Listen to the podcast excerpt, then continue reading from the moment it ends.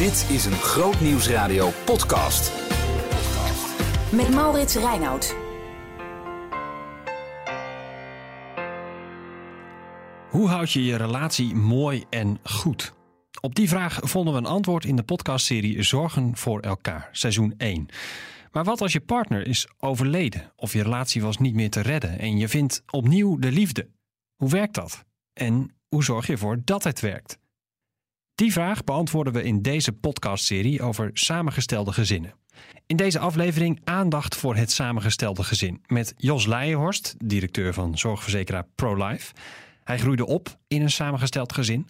En met Erik-Jan Verbrugge, die er onderzoek naar deed en een boek over schreef.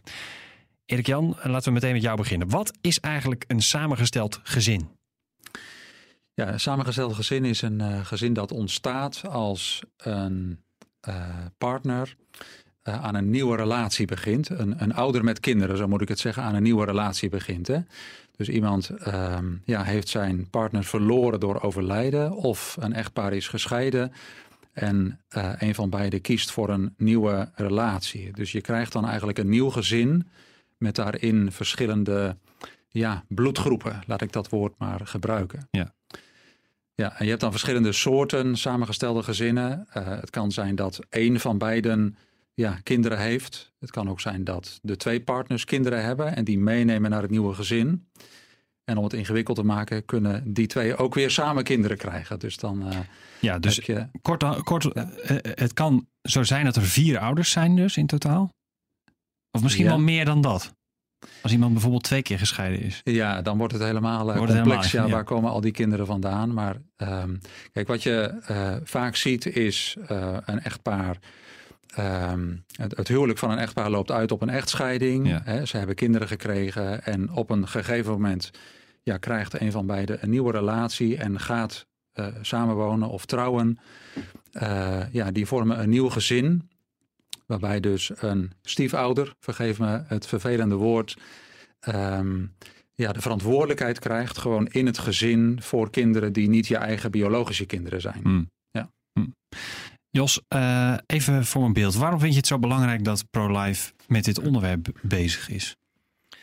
Wij zijn een jaar of uh, twee geleden gestart met uh, een programma om mensen te helpen te bouwen aan sterke relaties. Daar begon het mee. En onderdeel van het hele programma was dat wij relatieavonden organiseren. Daar komen 30, 40 stellen. Die hebben daar een mooie avond. Het is echt een klein feest ook. Hmm. Maar we kregen een aantal keer na die avond uh, dat mensen naar ons toe kwamen en zeiden: Dit is zo goed. Maar heb je ook zoiets voor samengestelde gezinnen? En uh, daar hebben we over nagedacht. Het is uh, voor misschien niet heel veel mensen, en toch ook wel, wel echt relevant. Het kleurt hun leven enorm grote impact, ook uiteindelijk zelfs op gezondheid. Dus we hebben gedacht, daar moeten we iets mee. Um, ja, daar zit nog wel het ingewikkelde aan dat wij richten ons vooral op het soort van ideale plaatje. Uh, een mannetje, vrouwtje. Als pro-life of? Als pro-life op die avonden. Dan gaan we, ja, dat is ja, ja. het uitgangspunt in, onze, in ons programma geweest. Maar soms loopt het leven anders. Uh, anders dan je had verwacht. Uh, gebrokenheid, we kennen dat. En we willen daar niet onze schouders bij ophalen en dan maar aandacht hebben voor hoe weer verder. Maar we willen er wel, we willen daarbij helpen. We willen ook uh, vanuit de overtuiging, ik geloof dat bij God altijd een nieuw begin mogelijk is. Dat je verleden is dan niet weg, maar je mag wel uh, ook in die gebrokenheid opnieuw beginnen. En daar willen we aandacht voor hebben. Daar willen we in steunen. Hm, mooi. Je bent toch zelf ook onderdeel van een samengesteld gezin? Ja, waar Erik Jan het net had over ingewikkeld, toen dacht ik, uh, dat is ongeveer de beschrijving van mijn gezin. Oh ja? Uh, nou, uh, bij mij is de situatie dat ik, ik was negen toen mijn moeder stierf aan een hersenbloeding. Toen een gezin met vier kinderen, tussen elf en vijf. En mijn vader is een jaar of twee daarna opnieuw getrouwd. en mijn tweede moeder, zoals ik haar noem, of plusmoeder, was alleenstaand, heeft nooit kinderen gehad. Dus zij zijn getrouwd een jaar of twee na het overlijden. En uh, daar heb ik nog een zusje bij gekregen. Dus inmiddels ouders, vijf kinderen. Hm. Uh, dat is wat je noemt samengesteld gezin. Maar dat vond je wel ingewikkeld dus, want het blijkbaar... Uh, nou, dat is tenminste dat Erik Jan bij de schets van deze constructie, zeg maar, zei. Hm. En dan heb je ook nog de ingewikkelde variant. Oh ja, ja. Um, dat geldt voor jou. Ja, precies. Nou ja, kijk, ik heb daar nooit zo naar gekeken. Uh, dit was gewoon mijn leven. Ik ben gewoon zo opgegroeid. Mm. En pas later ga je. Ik heb me altijd wel gerealiseerd dat mijn verhaal bij vriendjes anders zat. Hè? Maar dit is gewoon mijn leven. En eh, daar maken we het beste van. Ja. Ehm, Erik Jan, jij hebt het boekje Samen in een nieuw gezin geschreven. Ehm, jij bent werkzaam bij Stichting De Vluchtheuvel. Eh, eh, waar- waarom heb je dat boekje geschreven? Ja, dat is een heel verhaal. Ik werk eh, vanaf 2001 bij de Vluchtheuvel, heel wat jaren. Dus dan kom je ja, jong en groen binnen. 21 was ik toen ik hulpverlener werd. En al snel kwam ik eh, samengestelde gezinnen tegen. Eh, dat vond ik razend interessant, maar ook wel heel ingewikkeld. Ehm, Wat is er, even voor mijn beeld, wat is er dan zo interessant? Waarom wekte dat je interesse? Omdat ik mensen zag die ontzettend hard aan het vechten waren om ehm, ja, een mooi gezin te krijgen. En omdat ik ook heel veel ja, eh, uitgeblustheid en moedeloosheid en hulpeloosheid tegenkwam. En dat, eh, ja, dat triggerde mij. Ik ben in 2007 een opleiding eh, contextuele hulpverlening gaan doen. Ehm, dan moet je na anderhalf jaar eh, aan een afstudeeronderzoek beginnen. En ik heb toen gedacht van, ja, dit vind ik een interessant onderwerp. Daar ga ik me in verdiepen. En toen ik daarmee bezig was, toen zei mijn afstudeerbegeleider van wat jij nu allemaal ontdekt over de opgave waar de ouders van een samengesteld gezin voor staan. Dat kun je allemaal mooi in een afstudeerverslag schrijven, maar dat verdwijnt de kast in. En wie doet daar verder wat mee? Kun je daar niet een mooi boekje over schrijven? Nou, daar heb ik gelijk ja tegen gezegd. Het heeft vijf jaar geduurd, maar het is er uiteindelijk wel van eh, gekomen. Ja. Dus het is echt een boekje dat bedoeld is voor ja, mensen die beginnen aan een samengesteld gezin of die een samengesteld gezin hebben en willen nadenken over, ja, zien we niks over het hoofd? Eh, doen we het goed? Waar moet je omdenken? Hmm. Waar liggen de aandachtspunten? Een stukje reflectie wil het op gang brengen. Daar, daar gaat het om. Je interesse werd gewekt door ehm, dat, dat mensen zo hard aan het struggelen zijn eigenlijk om, om een mooi gezin te krijgen. Ja. Wat is je in het onderzoek het meest opgevallen? Ehm, laat ik als eerste zeggen dat ik ehm, gaandeweg mijn beeld eh, wat heb moeten bijstellen. Misschien was ik wel een klein beetje sceptisch toen ik aan dit onderzoek begon. En dan sceptisch in de zin van, nou ja, eh, weet wel waar je aan begint. Want je haalt je wel een bult gedoe op de hals. En dat vind ik nog steeds, want eh, ik kom in mijn werk echt de ingewikkeldheid van een samengesteld gezin tegen. Het is echt anders dan een ja, gewoon kerngezin. Mhm. Eh, tegelijk heb ik me gaandeweg wel bedacht, eh, je moet ook maar het lef hebben om hieraan te beginnen. Het is ook wel een geweldig teken van ja, moed en van kracht dat je je partner hebt verloren aan de dood of je huwelijk is gestrand door een scheiding en toch ja, vind je ergens de moed om opnieuw te beginnen. Ehm, dat is het, eh, het eerste. Ehm, en wat, wat, ik, wat mij verder heel erg is opgevallen, dat is eh, de aanhouder wint. Je hebt in een samengesteld gezin vaak een hele lastige startperiode. Dat blijkt ook gewoon uit, uit onderzoek. Zeker in Amerika is daar echt eh, vrij gedegen onderzoek naar gedaan. En dan zie je dat na verloop van een paar jaar, dan settelen de verhoudingen zich. Dan eh, ja, worden de conflicten minder fel. Dan is iedereen gewend aan de nieuwe posities. En dan breekt er eigenlijk een periode van ja, relatieve rust aan in dat samengestelde gezin Ja. ja, zo'n simpel onderzoeksgegeven hou ik ouders ook vaak voor van ja, hou vol, zorg dat je het overleeft, eh, geef het niet op, want er is echt hoop. Moet je als het ware door de branding heen? Zou je dat zo kunnen omschrijven? Ja, ja. Kijk, dat geldt ook als je eh, jong bent en je trouwt, eh, je krijgt voor het eerst kinderen. Dat is ook best wel wennen gewoon. Hè? Ja. Dan, eh, ja, het is een be- belangrijke nieuwe fase in je leven. Eh, dat kun je ook wel een brandingje noemen, maar bij een samengesteld gezin ja, is die hectiek gewoon veel heftiger. Want ja, je begint aan je relatie, maar vanaf dag nul zijn die kinderen er. Ja. Ik herinner me een column van een eh, moeder die beschreef dat ze dus eh, ja, zelf geen kinderen had, trouwde met een weduwnaar of gescheiden man, dat weet ik niet. En toen zei ze van, dan heb je je huwelijksnacht gehad en dan gaat de deur open en dan kruipt er een kind tussen je in met koude voetjes. nou, zo'n beeld, ja, dat blijft Ja. je bij vanuit Ja, zo'n dat eh, column. Hè? Dus vanaf dag één zijn die kinderen er echt. Ja. Ja. Heftig hoor. Ja, heftig, mooi, maar ja, ook, ook heftig en ingewikkeld inderdaad. Ja. Ja. Ja. Maar mooie conclusies aan de hand van eh, dat onderzoek wat je hebt gedaan. Eh, laten we eens even wat tips, quotes uit dat boekje eh, halen, eh, wat er uiteindelijk is voortgekomen uit het onderzoek. Ehm, om te beginnen met de vreugde van een samengesteld gezin is altijd omgeven door de rouwrand van verlies. Ehm, dat gaat dus nooit weg.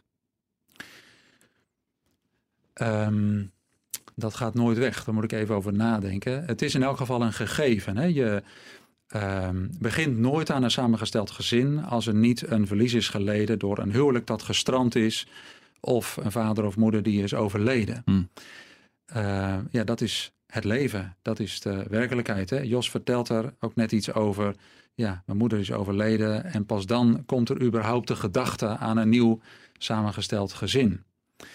Um, ik heb gemerkt dat het belangrijk is dat, um, ja, ik richt me nu vooral tot ouders, dat ze zich dat realiseren. er is verdriet, er is verlies. Um, en ik merk soms dat uh, een vader of een moeder die aan een nieuwe relatie begint, die is hoopvol. Hè? Die is eenzaam geweest, die heeft het moeilijk gehad, die heeft een nieuwe partner. En die ziet daar misschien de leiding van God in. Mm -hmm. uh, die heeft nieuwe hoop en nieuwe vreugde. En dan vervolgens komen er allerlei uh, tegenkrachten. Kinderen die er helemaal niet zo blij mee zijn. Familieleden die er behoorlijk aan moeten wennen. Nou, het is heel belangrijk dat je onder ogen ziet van dat verlies, dat is er. En dat blijft er, dat is geleden en dat poets je ook niet weg door een nieuw gezin te beginnen. En dat je elkaar in een samengesteld gezin ook de ruimte geeft om het moeilijk te mogen vinden. En misschien blijft het inderdaad ook wel moeilijk. Hè? Je moeder, die is overleden, komt niet terug. Nee. Er is niet een nieuwe moeder. Nee. Er is een tweede vrouw, een ja, stiefmoeder of een tweede moeder, hoe je het ook noemt. Maar je eigen moeder ja, is niet meer in leven. Dat verlies, dat is er en dat blijft er. Even naar de praktijk, uh, Jos. Hoe ervaar jij dat zo? De, de, dat de vreugde van een samengesteld gezin altijd is omgeven door een rouwrand van verlies? Ja, zeker. Ik zeg daar zelf over dat het is, het is gebouwd ook op een stuk pijn. Het is ook op liefde, ook op hoop verwachting, maar ook op pijn. En uh, ik herken het helemaal. En, en, daar zou ik eigenlijk willen toevoegen dat iedereen heeft eigenlijk zijn eigen verhaal. Ik heb een ander verhaal dan mijn vader. Dus mijn vader is op een gegeven moment opnieuw getrouwd, heeft een nieuwe vrouw. Mm -hmm. Maar ik heb niet een nieuwe moeder. Dus we hebben ook echt ons eigen proces. Dus we trekken samen op in het leven. We zitten in dezelfde vloot als het ware, maar wel in een ander bootje. En dat maakt het samengestelde zin ook nog wat ingewikkelder. Dat je elkaar, het is heel moeilijk om elkaar daarin vast te blijven houden. Ja, want Erik Jan zegt net van het is belangrijk dat je dus ook als je zo'n samengesteld gezin start, dat de ruimte voor dat, voor dat verlies, voor die rouw, voor de, voor de pijn, dat die er ook mag zijn. Hoe heb je dat dan ervaren? Kon je er dan echt goed over praten? Nou, wij hebben recent, dit is een onderwerp dat in ons gezin altijd onderwerp van gesprek is geweest. Um, maar eigenlijk pas op latere leeftijd heeft dat, heeft dat echt een hele mooie invulling gekregen en heeft dat ook geleid tot veel verbondenheid. Maar daar is ook het besef in dat wij dat juist in die beginfase veel te weinig hebben gedaan. En uh, ja, terugkijk, daar was denk ik ook heel weinig ruimte voor. We waren relatief jonge kinderen, vijf tot elf. Um, inmiddels twee jaar ouder. Er kwam Mm. nog een zusje bij. Ja, uh, dat, dat is ook gewoon al de hectiek van het leven. Daar komt dit bovenop. Uh, dus het gebeurde niet vaak en misschien wel helemaal niet dat mijn vader of tweede moeder s'avonds op de rand van mijn bed kwam zitten en zei: Hoe is het? Nee, nee. Mis je mama ook?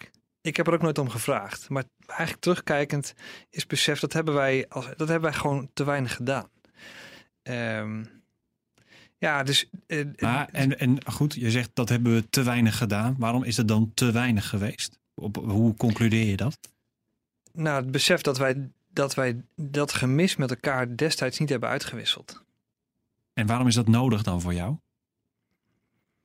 Ja, dat is te moeilijk om. Dan moet ik gaan terugkijken van heb ik iets gemist. Ik, als ik me dat nu realiseer, heb ik wel het gevoel dat dat jongetje van toen iets gemist heeft. Ja, ja. Dat voel ik daarbij. Ja. Uh, inmiddels zeg ik eens, hebben wij dus heel veel herstel gevonden als gezin. En is de verbondenheid, ik ben ontzettend dankbaar voor wat wij als gezin nu hebben. Maar er is wel een lange strijd is daaraan vooraf gegaan. En het herstel is het herstel van het gemis. Het is herstel van verbondenheid. Elkaar weer vinden nadat je. Um, de levens moeten zich wat gaan zetten. Ja. Ieder heeft nu gewoon zijn plek, zijn gezin. We zijn volwassen mensen en uh, daar, daar, is nu een ander gesprek over. En het is misschien goed daaraan toe te voegen dat dat praten is ontzettend belangrijk. Ik, de, ik denk dat wij dat dus in die beginfase te weinig hebben gedaan. En ook te weinig met, met hulp. Met Hmm. Zo'n gesprek kan ik wat begeleiding gebruiken soms.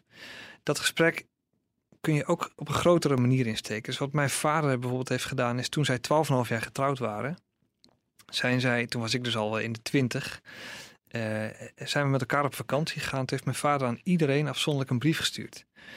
En eh, dat is een machtig moment geweest voor ons allemaal. Daar hebben rijkelijk tranen gevloeid, maar waarin dingen benoemd zijn eh, waar voor iedereen een stuk pijn zat. En we hebben eigenlijk vrij recent, het is nu voor mij dus ruim 30 jaar geleden, maar eh, ik denk een jaar geleden hebben wij nog eh, als het gezin van toen, ik weet niet hoe je dat moet noemen, Hm. maar als gezin van toen een avond samen doorgebracht om herinneringen terug te halen. En hoe waren eigenlijk die eerste jaren voor je?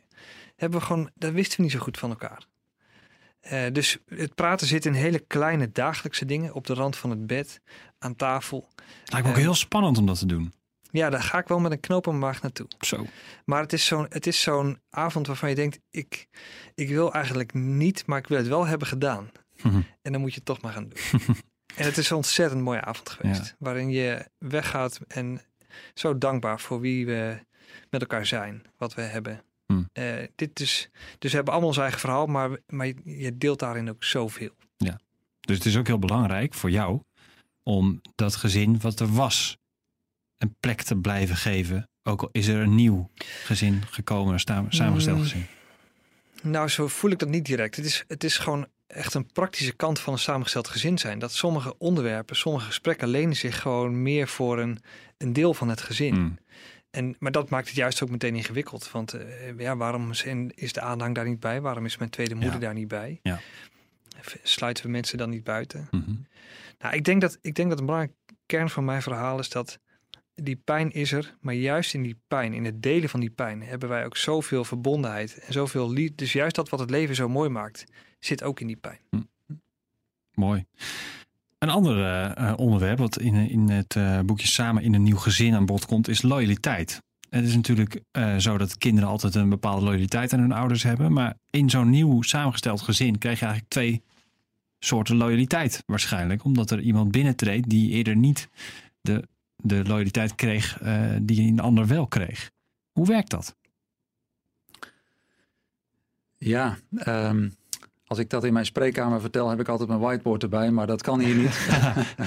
Probeer het eens. Ehm, ja, zeker, zeker. Ehm, loyaliteit betekent eigenlijk eh, trouw, eh, verbondenheid. En bij je biologische ouders is dat een gegeven. Hè? We noemen dat zijnsloyaliteit. Je hebt nooit gekozen van deze vader lijkt me wel leuk en deze moeder, maar het is er gewoon. Het is Ja. een gegeven. Ehm, en verworven loyaliteit betekent eigenlijk je kiest voor ja, de verbondenheid met iets of met iemand. En wat je dus in een kerngezin hebt, is dat je twee ouders hebt, ja, waarmee die bloedband er is. En als een van de ouders overlijdt of door scheiding elders woont, en je krijgt een tweede vader of een tweede moeder, dan moet je daarmee wat gaan opbouwen. Ehm, ik heb gezien in samengestelde gezinnen dat het belangrijk is om ruimte te geven en te blijven geven aan die zijnsloyaliteit, aan die bloedband met een ouder die er niet meer is of die elders woont. Dus ja, eh, spreek niet negatief over de vader of de moeder die ergens anders woont. Mm. Ik ken ook voorbeelden van ehm, foto's van een overleden moeder die vanaf de trouwdag, de tweede trouwdag, ja, ergens naar een achterafplekje in een huis verhuisde. Nou, dat zijn fouten die niemand bewust zal maken, misschien met alle goede bedoelingen, maar toch, ja, je voelt dat eh, als een aanval op je overleden moeder of je Mhm. overleden vader of je elders wonende ouder. Ja. Dus het is heel belangrijk dat je eh, ruimte geeft en blijft geven aan ja, de ouder die er niet meer is. Hè? Dat het kind alle ruimte krijgt om verbonden te zijn en verbonden te blijven met die ouder. Ja, dus twee soorten loyaliteit. Een soort verworven loyaliteit en de zijnsloyaliteit die je al Ja. naar Ja. natuur op natuurlijke wijze naar je ouders hebt.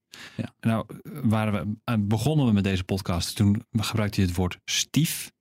Ja. En, met, en, en vroeg je direct om vergeving. Eh, Jos, toen jij het over je tweede moeder hebt, zei je plusmoeder of, of tweede moeder. Tweede moeder. Ja. Jij, ver, jij vermijdt dat woord. Doe je dat bewust? Nee, er zit, ehm, er zit een ingewikkelde. eh, hoe, welke naam geef je het? Eh, ik zeg eh, ma, vroeger Oh ja. mama, tegen haar. Maar, dat, maar dat, we zijn niet gedwongen om dat te doen. Ik heb, ben dat gewoon op een dag gaan doen. Mhm. En ieder op zijn eigen moment in ons gezin. Eh, dat, ja, ik weet eigenlijk niet waarom. Het, het, het lastige is, zij neemt niet de plek in van mijn echte moeder. Ehm, en toch is ze wel echt de oma van mijn kinderen. En ik, Ja. ik hoop dat ik daarmee iets van het gevoel over kan brengen van, van de plek die zij heeft. Eh, dus ik ben dol op haar. Ik, ik hou ontzettend veel van haar. En tegelijk is het niet mijn echte moeder. Eh, dus welk woord daar recht aan doet, ik vind tweede moeder plus moeder. Geeft dit meteen die, eh, die, eh, dat- loyaliteits, eh, die loyaliteitskwestie aan? Dat, dat het al lastig is om te, te bepalen wat voor naam je nou zo iemand geeft? Ja, ik denk het wel inderdaad. Ehm, dat is, Jos verwoordt dat nu als ja, kind, eh, eh, inmiddels volwassen kind. Maar dat is ook vanaf de andere kant zo. Hè? Er is een, een boekje al jaren geleden verschenen met de titel Ik ben maar een tweedehandsmoeder. en dat gevoel, ik denk dat ook veel plusouders, tweede ouders, welk woord je ook gebruikt, maar dat dat woord ook aan de kant van de ouder eh, best wel, dat gevoel aan de kant van de ouder best wel zit. Hmm. Kijk, stief, dat is ja, gewoon het woord wat in de literatuur hiervoor gebruikt wordt. Dus helemaal van mij, die kan ik het niet. Maar er zit wel een soort ja, negatief gevoel omheen. En hebben we dat negatieve gevoel door Disney gekregen? Omdat de stiefmoeders altijd heel vervelend waren? Wellicht. Ja, Of, of, of is het ook eh, gewoon door de realiteit ontstaan en, en, en, en hebben we allemaal een negatieve connotatie erbij, omdat mensen nou eenmaal vaak een negatief verhaal hadden over de stiefvader of de stiefmoeder? Het is waarschijnlijk geen onderzoeksvraag geweest in onderzoek, maar Nee, probeer het even. ik, ik vind het ook moeilijk om dat zo eh, te zeggen. Ehm, ik heb net iets verwoord van een van de dingen die ik al lezend en studerend bij mezelf realiseerde was dat ik best wel een beetje sceptisch was over samengestelde gezinnen. En dat ik gaandeweg ook heb gezien, dit zijn ook mensen met geweldig veel moed. Je moet maar het lef hebben om hieraan te beginnen. Ik vond het mooi dat ik eh, ergens tegenkwam dat de Belgen hier de term plusouder voor gebruiken. En dat heeft toch een wat meer positieve lading. Hmm. Je moet ook maar het lef hebben om met een weduwnaar of met een weduwe te trouwen of met Ja. een gescheiden man of vrouw. Ja, er zit, er zit natuurlijk een, er zit een gevoelskant aan. Ja. Maar er zit ook een, een gewoon heel praktische kant aan. Welke positie neem je in in een gezin? Het gaat om autoriteit. Dus voor ons als gezin was het heel belangrijk dat mijn moeder wel een zekere tweede moeder, een zekere autoriteit innam. Helemaal als mijn vader weg was Ja, in de structuur van de dagelijkse dingen. En tegelijkertijd wordt die autoriteit geaccepteerd. Nou, dat, is, dat is, lijkt me ontzettend ingewikkeld als, als zeg maar nieuwe vader of moeder om die positie op een goede manier in te vullen. maar hoe was het voor jou? Nou, dat is met vallen en opstaan gaan. Dus wij hebben daar conflict over gehad. Waarin ik dat niet accepteerde van mijn moeder. En, en zwaar in de, in de oppositie ging. Eh, en ook op andere onderdelen accepteerde ik dat weer wel. Ja, dat, dat zijn jaren van strijd aan vooraf gegaan. En wat is het medicijn dan? Tijd? Poeh. Dat je gewoon moet wennen aan dat iemand zo'n oude relatie heeft? Nou, ik denk... eh, de manier waarop je invulling geeft aan die rol... ik denk dat een latere podcast wel uitgebreid aan de orde komt... maar het is natuurlijk heel relevant. Ga je, doe je dat met veel autoriteit? Ik ben de baas. Ja, dat, dat, zou bij mij, dat ging bij mij mis, Ja. laat ik het zo zeggen. Eh, ja, het vraagt gewoon heel veel begrip van de positie van de ander. Maar ja, als kind is dat best lastig. Maar daar zijn wij wel gaandeweg over gaan praten. Hoe, eh, hoe is dat voor jou? Wat vind jij belangrijk?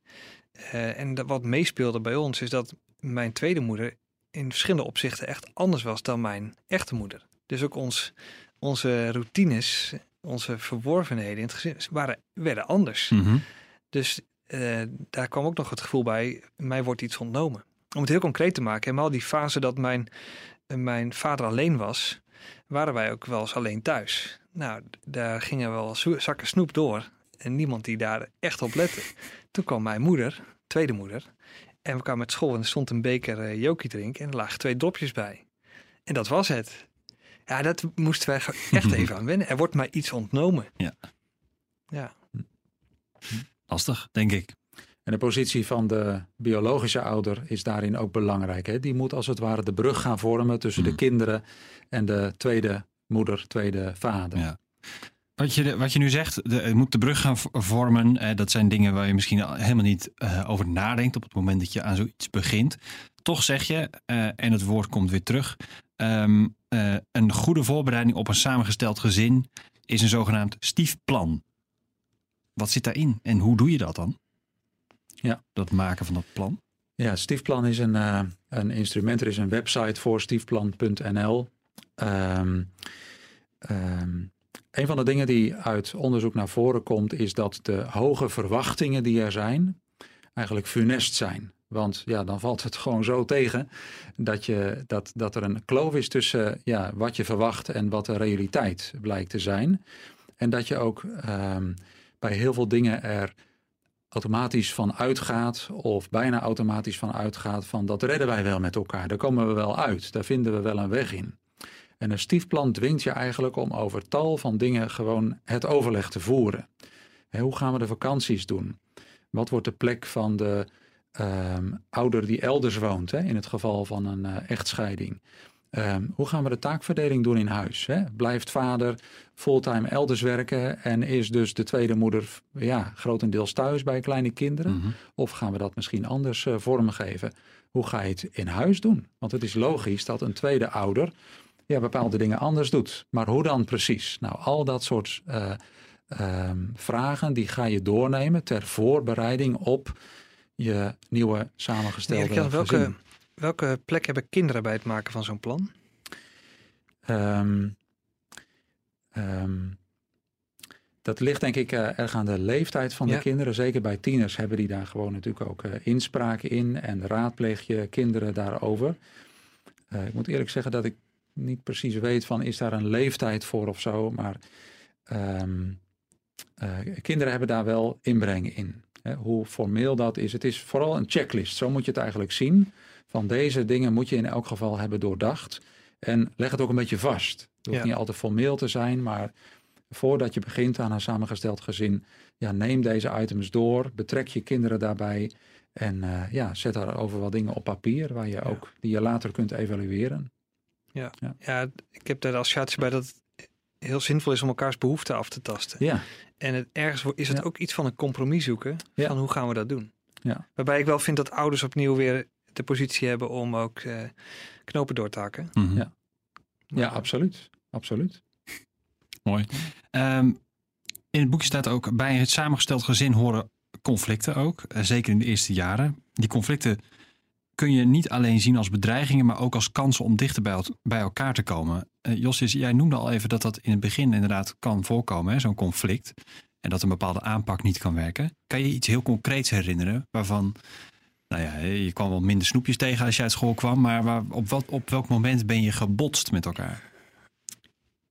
Ja, ik denk, mijn herinnering is dat de, de lastigste jaren voor ons als gezin waren toen wij wat meer in de puberteit kwamen. Hmm. Eh, omdat toen echt ook, en, en dat maakt het ook moeilijk om het onderscheid te maken. Dus wat hoort nou bij gewoon meer de fase van puberende kinderen en wat is te herleiden naar die eh, Ja. ingewikkeldheid van overlijden en nieuw gezin starten. Eh, maar in die, in die fase hadden wij als kinderen, denk ik, de meeste moeite met de autoriteit van mijn moeder. Eh, dus dat zij regels ging bepalen over hoe laat we thuis moesten komen. En, eh, en dat deed zij niet, hè? dat deden, deden mijn ouders samen. Maar mijn vader was natuurlijk best vaak weg en dan handhaafde zij de regels. Ja, dat, eh, dat zorgde voor heel veel strijd. Dus met slaande deuren en gewoon dingen niet willen doen. Even helpen de tafel afruimen, helpen stofzuigen en dan in de weerstand. Ja, en, dan, en wat gebeurde er dan daarna? Want dan heb je natuurlijk een botsing. En wat gebeurt er na die botsing? Ja, dat is heel wisselend geweest. Als ik het dan even over mezelf. Ik, ik schijn wat koppig aangelegd te zijn. Eh, ik zal het niet ontkennen. Kun je ver mee komen in het leven. Zo is dat. Ehm, nou, ik, ik was in staat om gewoon mijn moeder dood te zwijgen. Gewoon een week lang niks tegen haar te zeggen. Totdat mijn vader dan vaak ingreep en zei... En nou, als sodemieter, gaan jullie met elkaar praten. Want dit, zo doen we dat niet. Ehm, ja, maar dan voelt de rest... Dat, die spanning is er dus gewoon tijdens maaltijden. Ehm, gezelligheid is ver te zoeken dan. Ja, dit voelt nog steeds als een confrontatie. Ja. Dus eh, een week later kan die nog steeds zijn, bij wijze van spreken.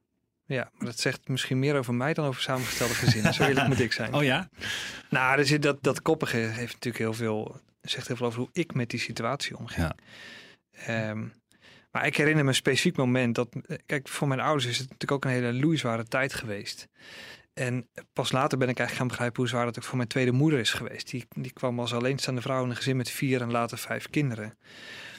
Ehm, beginnen vanuit gewoon liefde voor elkaar en dan kom je de branding in, zoals we het in het begin eh, benoemden. Mhm.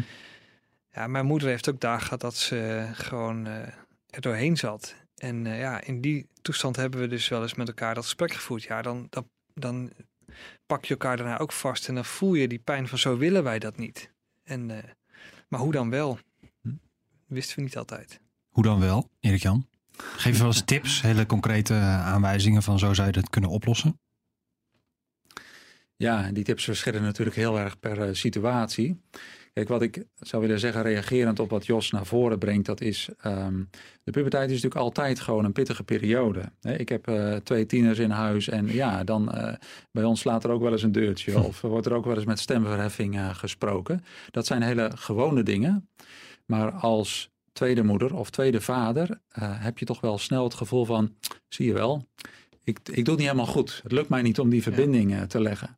Je vult het En- eigenlijk in, hè? De context Ja, eh, als het ware ja. van zo'n botsing. En als tiener ja, eh, heb je een vrij gemakkelijke route door te zeggen: je bent mijn moeder niet of je bent mijn vader niet. Ja. Hè? Dus die dingen die op zich heel gewoon zijn in elk gezin, helaas, maar ja, die gewoon bij het leven horen, die krijgen een wat extra eh, gewicht in een nieuw samengesteld gezin. Dus je vroeg: geef je wel eens tips? Ja, dat is in de eerste plaats. ehm, ja, het is soms ook wel gewoon een beetje overleven. Hè? Hmm. Verdragen dat Ja. het ingewikkeld is. En met elkaar stilstaan bij wat heb je nou nodig gewoon om, om, om eh, hiermee om te kunnen gaan. Om ehm, eh, bij te kunnen tanken. Ehm, wat heb je nodig om te kunnen sparren over hoe ingewikkeld je dit vindt. Ik herinner mij een van de meelezers van mijn boekje. Die eh, schreef mij. ehm, wat mij heel erg helpt is dat wij één keer in de zes weken gewoon ehm, twee dagen samen op pad zijn. We hebben familieleden die zeggen van we zien hoe ingewikkeld dit is. Jij bent eh, als alleenstaande vrouw met een weduwnaar getrouwd. En één keer per zes weken zijn wij beschikbaar voor twee dagen oppas. Nou, dan denk ik goud waard zoiets. hè? Mm. Zo'n tip, zo'n zo'n praktisch punt helpt gewoon heel erg om even te Ja. reflecteren, even bij te tanken en dan weer met ja, frisse moed nou, die branding weer in te gaan. Ja. Heel mooi. Gaaf. Ja. Als laatste, in een samengesteld gezin zijn partnerschap en ouderschap sterk met elkaar verweven. Hoe zorg je ervoor dat de huwelijksliefde niet bekoelt? Ehm, allereerst even de partnerschap en het ouderschap. Wat voor verschillende dingen zijn dat? Hoe, hoe zijn die verschillend van elkaar? Ja, als je ehm, aan je eerste relatie begint, dan ben je eerst partners en word je na verloop van tijd ouder. Mhm. En het grote verschil met een samengesteld gezin is dat eh, partnerschap en ouderschap zijn er gewoon vanaf dag één. Hè? Simpelweg, bij je eerste date Ja. moet je oppas regelen voor je kinderen. Ehm, en op de bruiloft ja, lopen er kinderen rond. En eh, het, het is heel sterk verweven met elkaar. Dus je hebt niet de gelegenheid om eerst samen te bouwen aan een hecht partnerschap en dan samen ouders te worden. Ja, dat is, dat is een groot verschil. En dat Ja. is soms best ingewikkeld. Ja. En je hebt dus ook het ouderschap over kinderen of een kind dat niet je eigen kind is. Dus je moet wennen aan dat kind. Je vindt dat kind soms irritant en ingewikkeld of misschien wel heel mooi, maar het doet dingen ja, die je niet zo aanvoelt en niet zo begrijpt. Eenvoudigweg omdat het niet je eigen kind is. Jos, wat denk jij wat het antwoord is op die vraag? Van hoe zorg je ervoor dat de huwelijksliefde niet bekoelt in zo'n relatie? Nou, mijn ouders kozen er wel voor om één keer per, per jaar dan eh, met elkaar een week weg te gaan. Ehm, en ik vind dat ook terugkijkt wel een heel mooie, mooie keuze om gewoon een grens te stellen. Van wij, wij moeten bovenal elkaar niet kwijtraken. Dat is toch het fundament waarop je, waarop je de kurk op je drijft, zeg maar. Mhm. Dus ehm, ja, en waar die grens ligt, dat verschilt natuurlijk eh, per situatie. Maar ehm, echt grenzen stellen en elkaar eh, ten koste van alles elkaar blijven vasthouden. Ja, dus investeren eigenlijk in die relatie die je Ja, bent gaan smeden. ja en het, ik, misschien is een tweede. Ehm, ja, ik zeg dit dus niet als ervaringsdeskundige, omdat ik niet, niet in zo'n huwelijk zit. Ehm, maar ik, het woord verwachtingen komt steeds terug in mijn hoofd. Ehm, ik ben heel dankbaar dat mijn ouders elkaar hebben gevonden en eh, samen door het leven mochten gaan. In een situatie die gewoon, niemand heeft daarvoor gekozen, hè, dat het leven zo liep. Mhm. en, en dan ga je verder. Ehm, Dus ik wil mensen vooral niet ontmoedigen om, dat, om daaraan te beginnen. Maar wel met een verwachting dat de weg die je gaat geen eenvoudig is. Mhm. Misschien wel ook, ook daardoor extra rijk, maar, maar verwachting. En één ding is daarin, eh, wil ik toch graag noemen. Want je hebt de context van het gezin. Maar er zitten ook heel veel schillen omheen aan vrienden en familie. Die ook met datzelfde loyaliteitsconflict zitten. Oh ja. En die heel veel druk leggen op het gezin. Onbedoeld, hè? Want het is vaak vanuit een poging om juist verbonden te blijven. Maar, maar dat lukt niet altijd. Omdat de- deze mensen hebben ook pijn. Die voelen ook Mhm. voor wie moet ik kiezen. En dat, eh, mijn ouders hebben dus ook daarin, als je het hebt over grenzen stellen, soms ook keuzes moeten maken. Het heeft er wel ertoe geleid dat bepaalde contacten afvlakten. Soms zelfs, ja, gewoon eh, langzaamaan ophielden. Hm. Pijnlijk, maar eh, keihard nodig om elkaar niet kwijt te raken. Belangrijk dus. Ja. Ja, het is mooi dat je dat zegt. Hè. Die omgeving kan veel schade doen en ook heel veel goed doen. Ja, Hm. absoluut. Kijk, als je als eh, tweede moeder op een verjaardag zit en je peutertje krijgt een driftbui, dan zit iedereen te kijken van hoe gaat ze dit oplossen. Ja, ja, ja, ja. En dat doen ze misschien ook als het je eigen biologische kind is. Maar Ja. als stiefouder, tweede ouder, voel je je toch extra bekeken, voel je je extra onzeker. Hè? Ja. En de beoordeling van de omgeving ja, kan je toch erg de grond inboren. Andersom is het zo dat de support vanuit de omgeving ja, kan ontzettend goed doen om het gewoon te redden. Ja, dat moet ik echt bevestigen net. Want mijn ouders hebben ook fantastisch veel hulp gekregen. En, en wij dus als gezin. En dat, eh, dat heb je ontzettend hard nodig.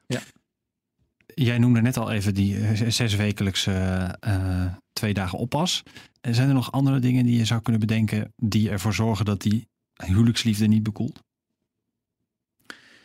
Ja, daarvoor geldt eigenlijk, ehm, eh, gelden ook de dingen die voor een eh, kerngezin gelden. Hè? Ehm, De kern, kerngezin is het woord voor een Ja. gezin wat gewoon precies. waar waarbij Waar- niemand ontvallen waar of geen overlijden ja, precies. Ja. geen echtscheiding. Ja, dat is terecht dat je dat even noemt. Ehm, ja, maak tijd om over je relatie na te denken. Houd elkaar in het oog. Schrik niet te veel van een conflict, maar realiseer je dat zonder wrijving geen glans is. Hm.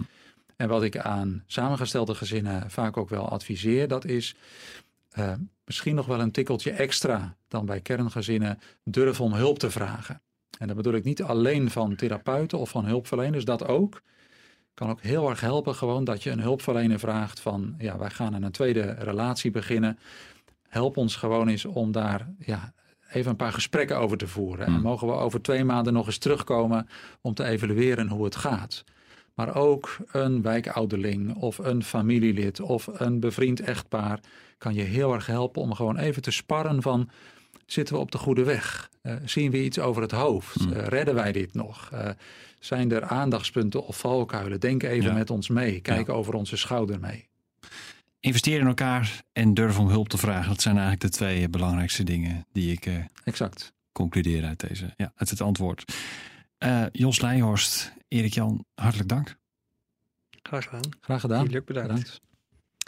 Het is een eh, pittig onderwerp, samengestelde gezinnen. En je zult er maar middenin zitten. Ik, eh, ik kan me voorstellen dat het dan iets met je doet om hier naar te luisteren. En ik hoop dat je er iets aan hebt. Dat hopen we samen als makers, als Groot Nieuwsradio en als ProLife Zorgverzekeringen. Dit was de eerste aflevering in een serie over samengestelde gezinnen. Loop je tegen problemen aan? Wil je meer informatie of wil je andere afleveringen van andere seizoenen nog eens terugluisteren? Ga dan naar prolife.nl slash zorgen voor elkaar. Behoefte aan meer? Grootnieuwsradio.nl slash podcast.